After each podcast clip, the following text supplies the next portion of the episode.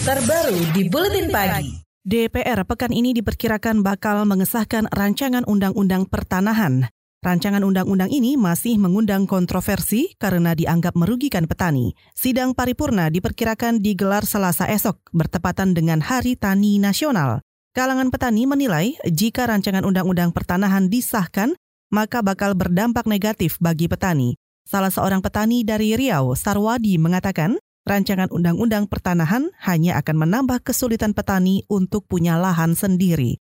Ia menyebut rancangan undang-undang itu hanya mempermudah orang kaya mengelola lahan pertanian. Aku pikir belum ada ya poin-poin yang bisa menguntungkan ke petani. Justru konsentrasi tanah itu nanti akan kembali ke tangan pemodal karena hanya para pemodal yang bisa uh, menerjunkan alat misalnya baik itu keamanan maupun teknis lainnya untuk bisa menguasai tanah. Orang-orang kecil, petani miskin itu nggak akan sanggup mengikuti aturan-aturan yang ada di dalam uh, rancangan RUU pertanahan tersebut. Petani di desa Kasang Pudak Riau, Sarwadi, juga meminta DPR menghapus pasal 95 dalam rancangan undang-undang itu yang mengatur sengketa tanah.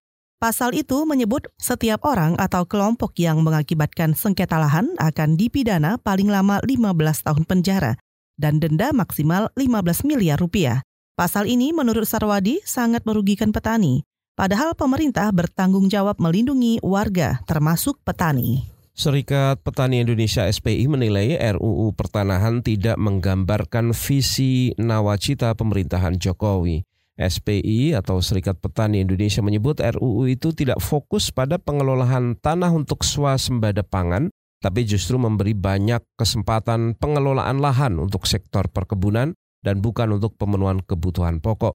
Ketua Umum Serikat Petani Indonesia Henry Saragi mengatakan di antaranya pasal 18 RUU Pertanahan bisa menjadi celah bagi korporasi besar serta anak-anak perusahaannya untuk semakin luas lagi mencaplok tanah karena batas maksimal penguasaan lahan tidak diatur sama sekali dalam RUU tersebut.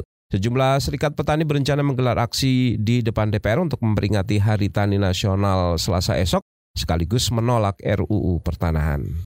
Suara DPR tidak bulat mengenai pengesahan rancangan undang-undang pertanahan. Sebagian menginginkan pengesahan rancangan undang-undang pertanahan ditunda. Anggota Komisi DPR bidang pertanahan dari PAN, Viva Yoga, beralasan rancangan undang-undang itu tidak menguntungkan dan menyelamatkan petani. Ia juga menyebut ada perbedaan pendapat di kalangan pemerintah terkait rancangan undang-undang pertanahan.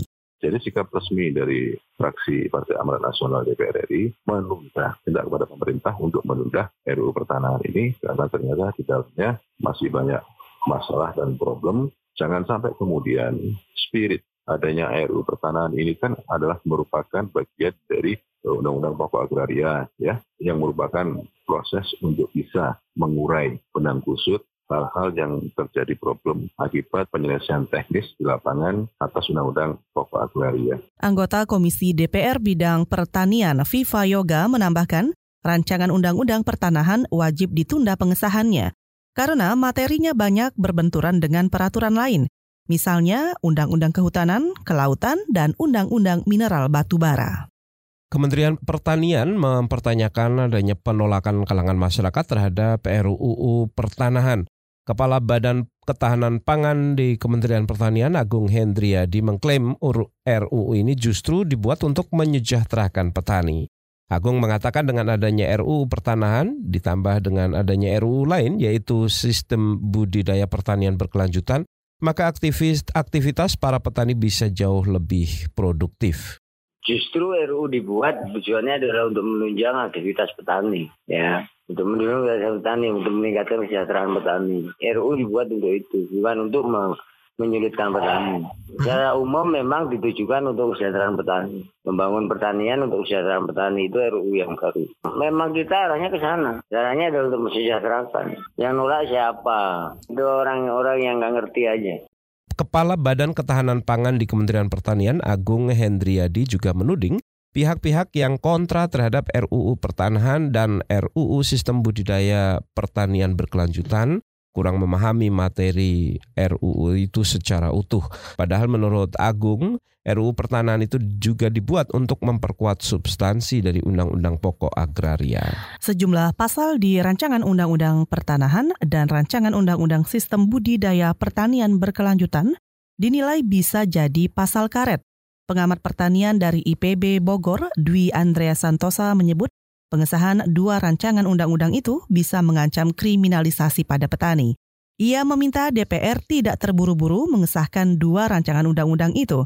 Ia juga meminta DPR menghapus pasal-pasal yang merugikan petani. Ada banyak RUU yang sangat bermasalah. Salah satunya RUU pertanahan dan yang lainnya sudah barang RUU sistem budidaya eh, pertanian berkelanjutan. Ini amat sangat bermasalah dan kelihatannya dari Senayan memaksakan diri dan pemerintah memaksakan diri untuk segera mengesahkan. Saya RUU per, sistem perlindungan pertanian berkelanjutan juga harus dihentikan dulu, jangan disahkan dulu. Yang paling penting pasal-pasal yang berpotensi mengkriminalisasi petani harus dihilangkan. Petani kecil loh itu yang mendukung timpangan nasional nasional. Itu tadi Guru Besar IPB Bogor Dwi Andrea Santosa.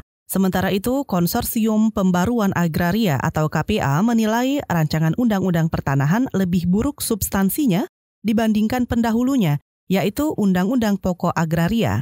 Rancangan undang-undang itu dianggap melenceng dari semangat pasal 33 ayat 3 Undang-Undang Dasar 45. Menurut Sekjen KPA Dewi Kartika, saat ini kepemilikan lahan oleh petani sangat kecil dibandingkan dengan kepemilikan korporasi. Bahkan ada satu persen orang yang menguasai aset tanah di Indonesia hingga lebih dari 58 persen. Sebaliknya, hanya 56 persen petani saja yang punya lahan kurang dari setengah hektar.